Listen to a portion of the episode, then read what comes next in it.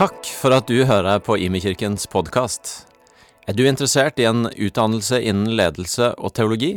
Gå gjerne inn på hlt.no slash stavanger og finn ut mer om heltids- eller deltidsstudier. Det er jo helt utrolig å tenke på at mens jeg sitter fem minutter på do, så kan jeg holde meg oppdatert på de siste fremrykningene i Ukraina.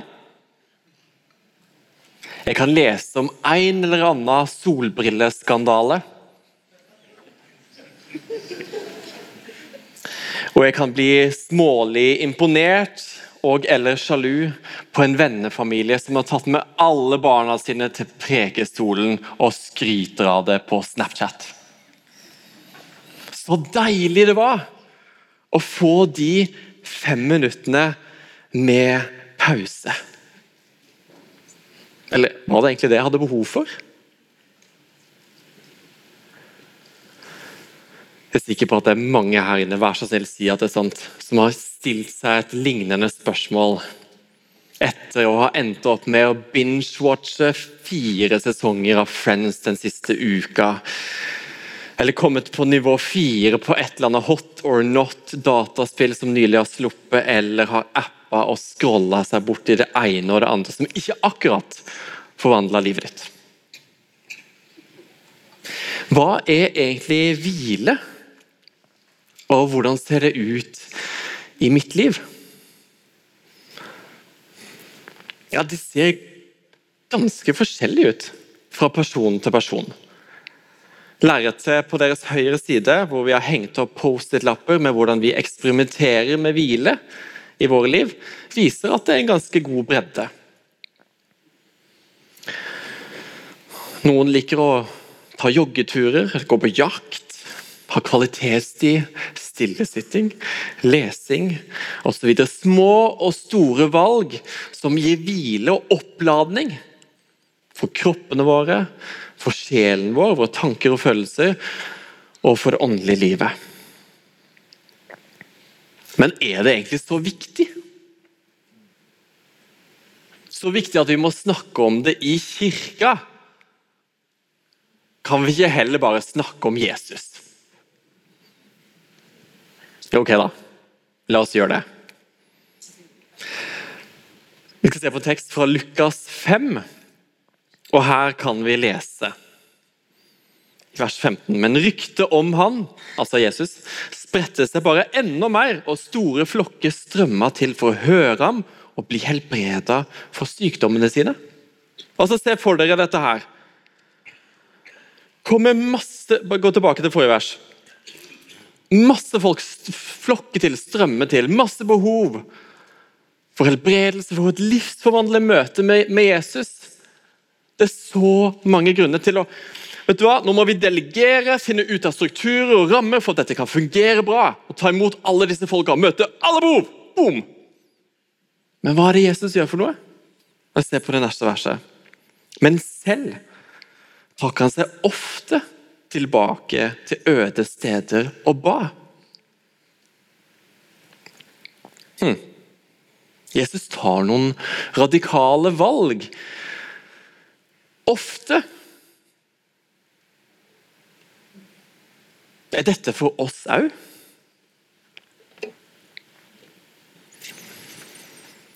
Gå videre, se på Markus kapittel 6.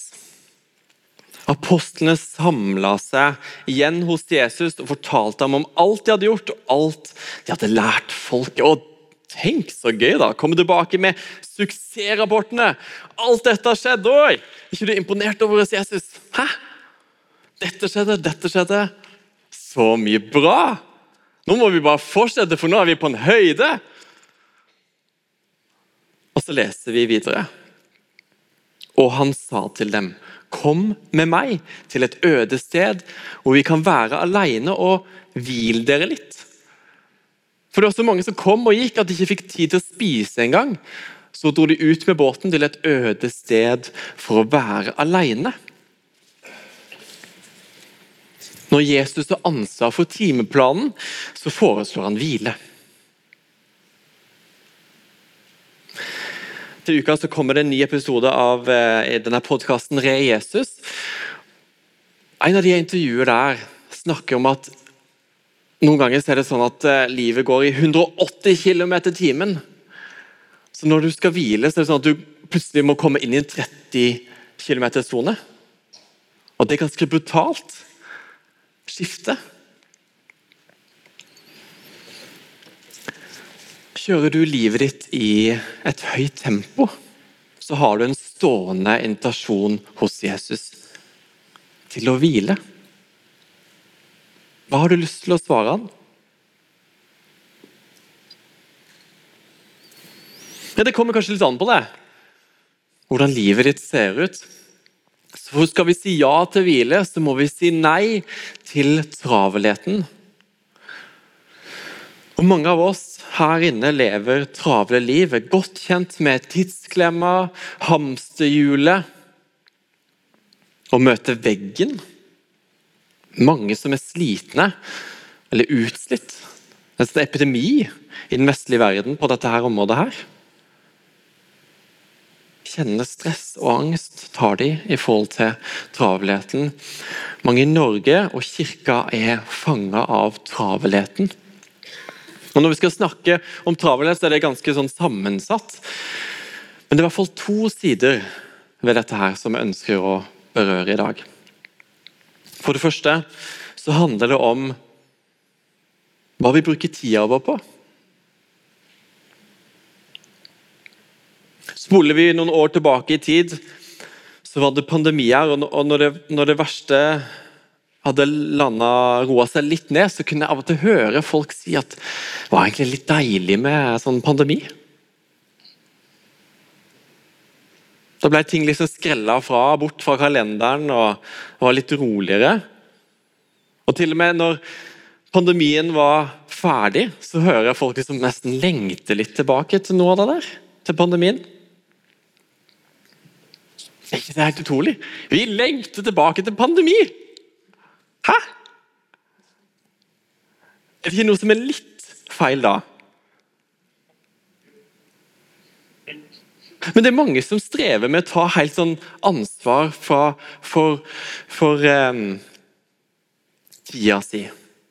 Være herre over egen tid. Og Da kan det være utrolig befriende å ha en voksenperson à la Erna Solberg til å sette noen gode rammer.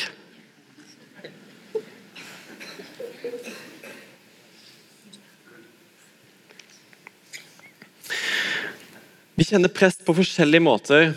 Det kan være fra arbeidsgiver, fra studiested. Og Mye av normene samfunnet er bygd rundt, handler om at alle skal jobbe, og skal jobbe fullt.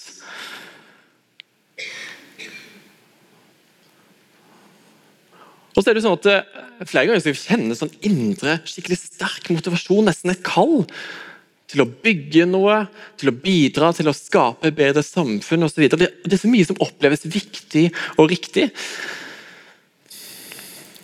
Og så er det jo et sånn sosialt aspekt av dette her. Det er et begrep som er blitt brukt mye det siste året, som kalles for FOMO.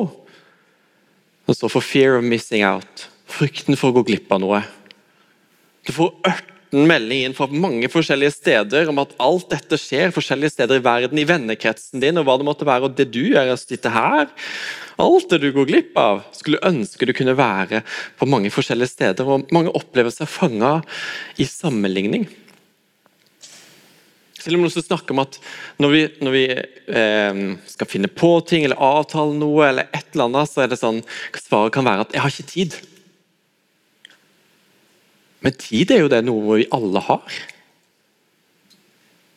Og alle har likt av det. Til og med noen som snakker om at skulle ønske det var, å, skulle bare vært litt flere timer i døgnet. Som om det hadde hjulpet.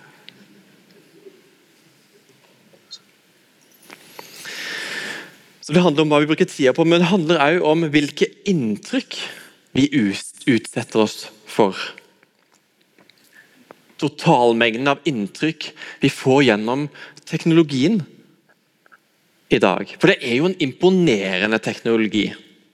På noen minutters dautid så har vi plukka opp inntrykk fra en fjern verden og en helt personlig verden òg. Ved første øyekast er det litt sånn vanlig og egentlig litt sånn deilig virkelighetsflukt. Det er ganske fristende å bli litt sånn underholdt og sone ut litt. Grann. På den andre sida nå skal vi få tid til å prosessere og plassere alle tankene og følelsene vi har. Tenkepausene har blitt til scrollepauser. Og når vi først legger bort skjermen, så har vi fortsatt alle tanker og følelser inni oss. Pluss det vi fikk med oss fra inntrykkene vi samla når vi var på skjerm. Er det rart vi er mange slitne nordmenn? Er det rart vi strever med tilstedeværelse? Når vi snakker om travelhet som hindrer oss i å hvile, så er det klart vi må snakke om skjerm. Mobil, TV, dataspill og hva det måtte være. Selv om ikke det akkurat direkte står om det i Bibelen, så er det ikke ubibelsk, ubibelsk likevel. Norsk mediebarometer lager årlig en rapport som sier noe om hvordan det står til med medievanene for nordmenn. Siste rapporten fra 2022 forteller oss at eh, befolkningen i snitt fra ni år og oppover bruker hver dag to og en halv time med mobilen. Og Det er et snitt. sant? Så Jeg vet ikke hvor du, på, hvor du er, i dette snittet, men det er jo mange niåringer som ikke bruker så mye tid. Og mange godt eldre som ikke bruker så mye tid, f.eks. Det sier statistikken konkret. Hvem er det som er mellom 16 og 24 år her? Opp med en hånd. Fire og en halv time på mobilen brukes det gjennomsnittlig i denne aldersgruppa. her. Fire og en halv time. Hvis du regner sånn cirka, så tilsvarer det 1600 timer i året. Hvis du hadde hatt 1600 timer til overs det neste året, hva ville du brukt det på?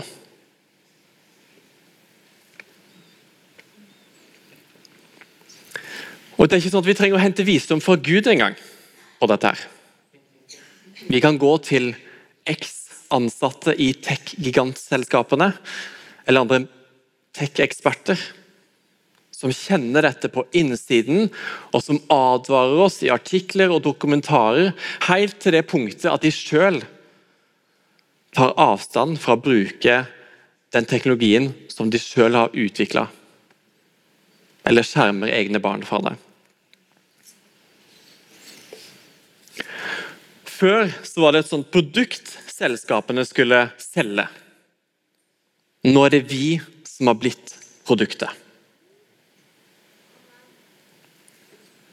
Smarte algoritmer, altså data og informasjon som samles inn, som sier noe om hva vi pleier å trykke på og se på, det selges videre, sånn at reklame kan tilpasses oss så disse algoritmene treffer blink hos oss gang på gang og holder oss gående eller opptatte eller travle. Og Dette er en rivende utvikling som har skjedd særlig de siste 15 åra. 2007 er et sånt skifte. Da ble Facebook tilgjengelig for eh, allmennheten, og iPhone lanserte sin første telefon. og Det var flere andre som tech-nyheter. Eh, som endra teknologien og den digitale tida vi lever i. Så På 15 år har det skjedd utrolig mye. Hva gjør vi med dette her? Hva skal vi gjøre med dette? Hvordan skal vi forholde oss til, til dette her? Jo, la oss gå først det som har med tid å gjøre. For jeg, jeg tror jo at Gud kaller oss som kirke til å ta andre valg, leve et annerledes liv. Så hvordan ser det ut i forhold til tidsvalgene vi tar?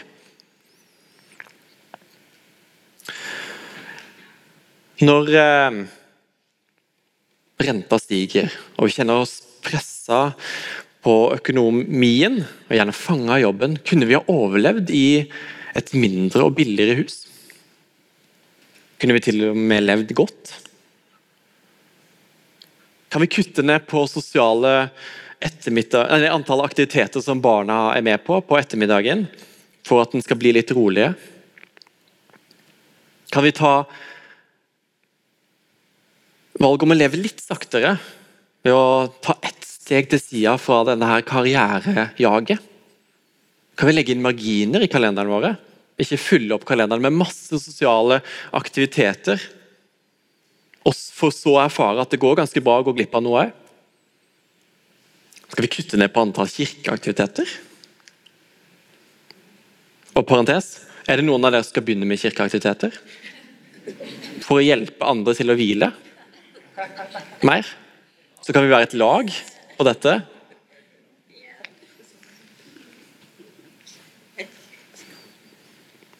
Når vi eh, skal kjøpe hytte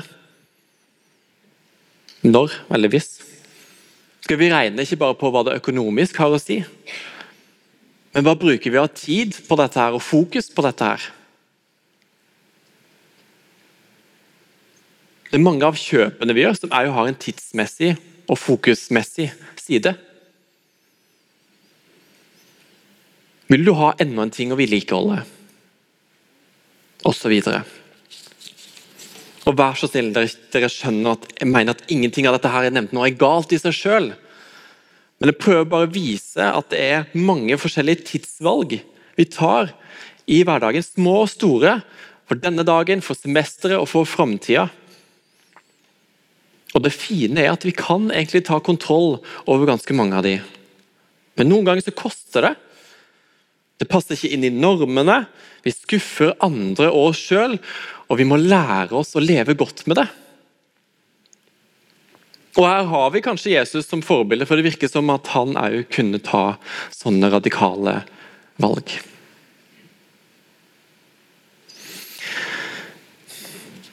Og jeg har ikke lyst til å Budskapet mitt i dag er ikke sånn 'skjerp dere', men kanskje heller 'skjerm dere'. Kan vi skjerme oss fra inntrykk? Skjerme oss til hvile?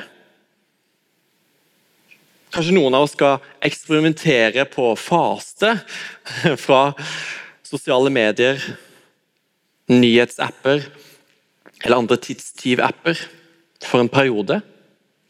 Eller for hele tida framover? Slette mailtilgang på telefonen, fjerne varsling og merker på apper, sette på tidsgrense på skjermene, gjøre telefonen til en dumbphone, altså smartphone, og dømme ned. Ta bort internett fra telefonen, altså sånn internettleseren, så man ikke surfer seg bort. Bestemme på forhånd hva man ønsker å gjøre på kvelden, sånn at når kvelden kommer, så blir man ikke fanga av å være trøtt, og så tar man plutselig dårlig valg. Snakker om meg selv her. Hvis ikke du ønsker å være pålogga telefonens aktivitet 100% av din våkne tid, når skal du være avlogga?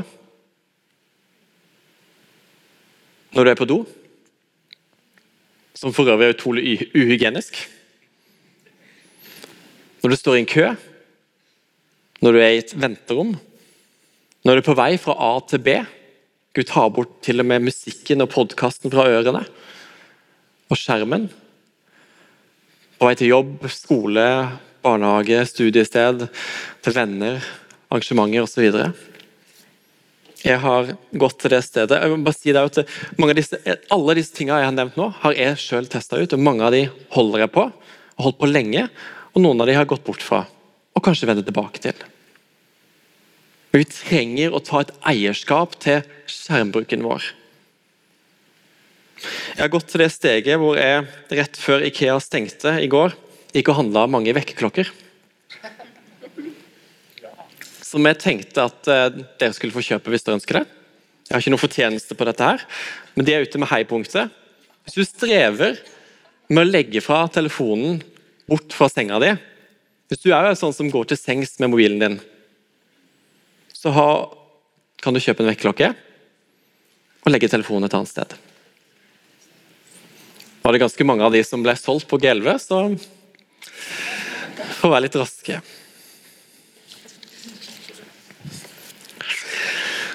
Dagen er 27. januar 1956. Martin Luther King Han har mye ansvar på skuldrene sine. Han står midt oppi bussboikotten, hvor de svarte nekter å gå på bussene pga. urettferdigheten som skjer. Han erfarer drapstrusler, har en fengselsdom hengende over seg. Og År seinere forteller han at denne dagen var han på randen til å slutte. Han var redd. Redd for sitt eget liv, redd for familien sin. Han trodde ikke han hadde styrken til å fullføre, og han sitter på kjøkkenet for seg sjøl. Og så forteller han i det øyeblikket kunne jeg høre en indre stemme si til meg Martin Luther, stå opp for rettferdighet. Stå opp for sannhet. Og se, jeg ville være med deg alle dager inntil verdens ende.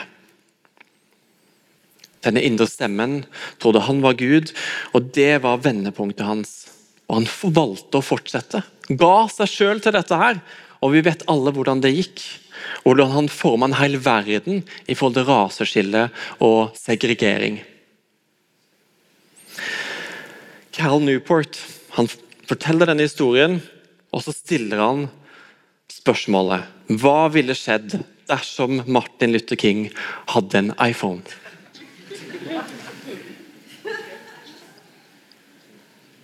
Når man er på randen til å slutte, kjenner smerten og redselen, og man har noen minutter fri, hva ville du ha gjort? Ville du ha flykta inn i en virtuell virkelighet, få en liten pause? At jeg traff noe i meg uh, når jeg hørte denne historien første gangen. Jeg som lengter etter å høre mer av Guds stemme i mitt liv. Er det mange muligheter jeg har gått glipp av? Most likely. Er det mange muligheter vi som kirke har gått glipp av? Most likely. Og jeg håper dere skjønner hjertet i dette. her. Dette her er ikke en fordømmende stemme fordi det gjelder meg sjøl, men det er mer en motiverende stemme. Fordi det er utrolig mange muligheter vi har til å høre Guds stemme i vår liv. Hvorfor snakker jeg om dette her når jeg egentlig skulle snakke om Jesus? Corey Ten Boom, som er en av de overlevende etter um, um, andre verdenskrig, var i konsentrasjonsleir osv. Hun sier If the devil can't make you sin, he will make you busy. Hvis djevelen ikke kan få deg til å synde, gjøre noe som er mot Guds vilje, så vil han gjøre deg travel. Og jeg kunne lagt til hvis du først blir travel, så er det i hvert fall lettere å synde. For er det noe som er gjør at det lettere tar dårlige valg, eller synder, så er det travelhet og trøsthet. John Mark Homer sier synd og travelhet har samme effekt. Den skaper distanse, eller avstand, til Gud, og sjøl og andre.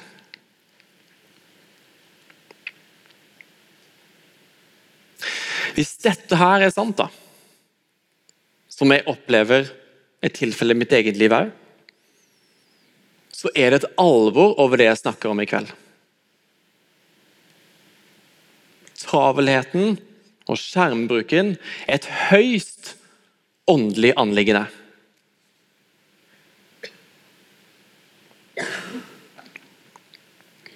Vi blir så fort forma av den tida vi lever i og den kulturen vi er en del av.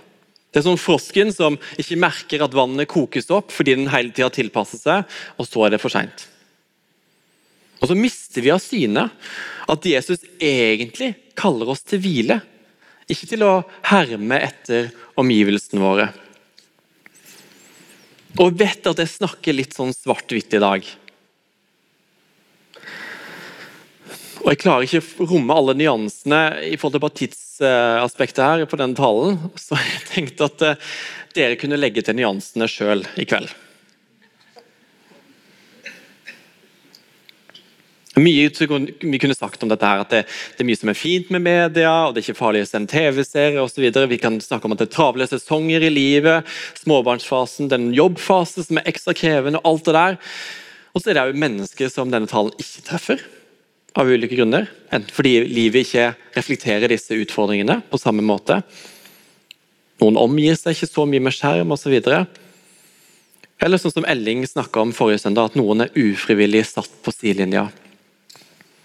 Alt det der er greit, men først og fremst er dette en Jesus-invitasjon til oss alle. For hør her fra Matteus 11, 28. Kom til meg, alle dere som strever og bærer tunge byrder, og jeg vil gi dere hvile.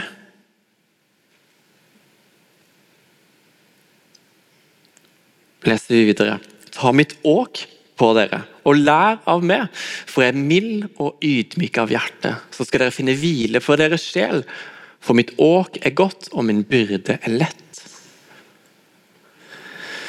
Og det er som fremmedordet nå, men det er et redskap som brukes for å utjevne vekt, som gjerne legges over skuldrene.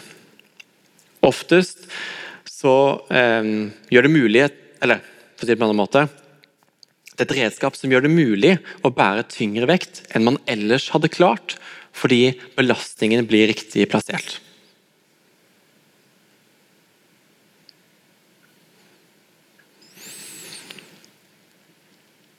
Mange av oss bærer langt mer og langt tyngre enn vi egentlig er meint til å bære. Invitasjonen er å kunne gå i lære hos Jesus. Han er mild og ydmyk av hjerte. Og så kan du få finne hvile for din sjel. Og kunne jeg jo lagt til til du som ønsker å bære mer. Langt mer enn det du egentlig klarer nå. Så dette er jo den riktige veien, fordi belastningen blir riktig plassert.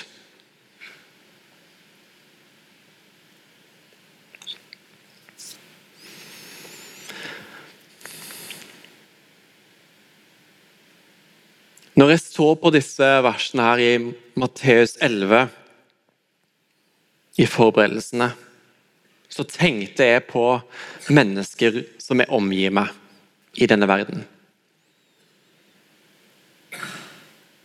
Og Det kan du òg gjøre. Naboer, kollegaer, venner, familie, bekjente osv. Og, så tenkte jeg på Wow! For et håpsbudskap Jesus vil gi oss. Tenk om disse menneskene som jeg nevnte i stad, òg hadde gått i lære hos Jesus. Tror du egentlig at de lengter etter det? Se for deg, La oss gjøre et lite tankeeksperiment. Se for deg noen mennesker du omgir deg, kanskje til og med som ikke er en del av kirka. Og så hør på message-oversettelsen av disse bibelversene når jeg leser det nå. Er du sliten? Utmatta, lei av tom religion, da kan du komme til meg. Ta deg en pause sammen med meg, så vil du få kreftene tilbake. Jeg vil vise deg hvordan du kan få ekte hvile. Gå sammen med meg, samarbeid med meg. Se hvordan jeg gjør ting. Lær deg nådens uanstrengte rytme. Jeg vil ikke legge tunge byrder på deg eller gi deg oppgaver som ikke passer deg. Hold deg nær til meg, så vil du lære hvordan livet ditt Lære hvordan du kan leve livet naturlig og i frihet. For noen vers, altså. For en hel verden.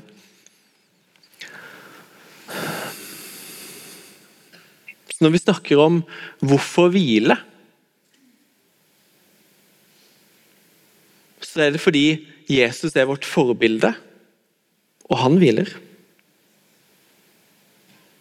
Og vi ønsker han som herre i våre liv. Og så er det fordi at det er frihet for oss sjøl og for våre liv. Men det er òg et vitnesbyrd for omgivelsene våre. Vi kan vise Guds visdom ved å vise en annen vei når det gjelder travelhet i vår tid. Jeg snakka om eh, FOMO, fear of missing out, frykten for å gå glipp av noe.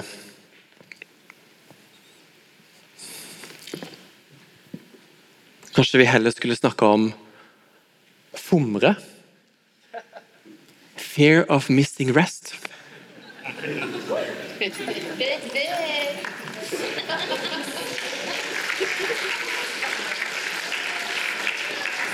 Og holdt på å si, Hvis det skulle dra ut hele Martin Luther King-analogien I have a dream that one day the church will be known as the fomre church.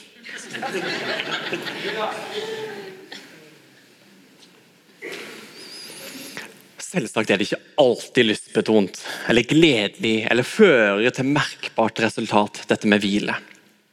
Men i hvilen så skjer det noe som vi i mange tilfeller kun kan ta imot der. Vi har lettere for å høre Guds stemme, få klarhet, være kreative. Prosessere og plassere tankene og følelsene. Bli lada opp.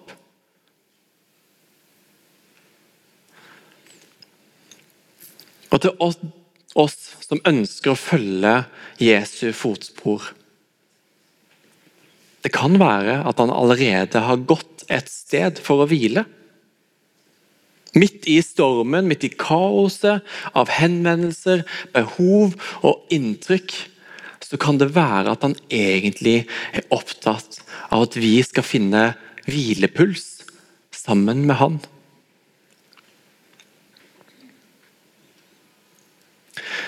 La oss reise oss opp.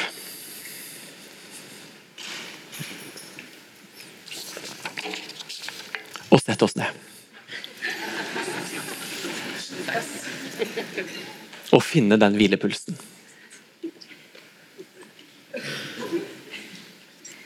Nå skal lovsangsteamet synge en nydelig sang som heter 'Not in a Hurry'.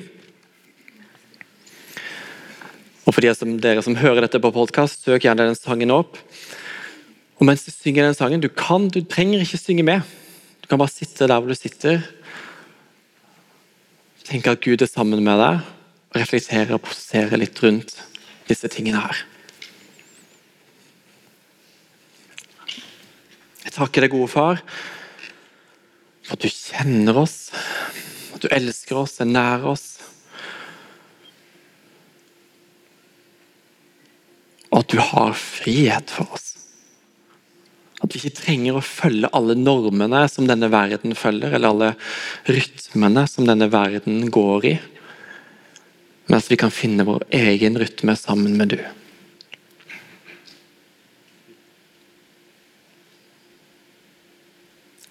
Og takk, Hellige Ånd, for at du fyller oss opp, at du er nær oss, og at vi overhodet ikke trenger å gjøre dette alene, men at du vil lede og du vil vise vei. Takk for at det ikke er den eneste dag vi skal gå alene.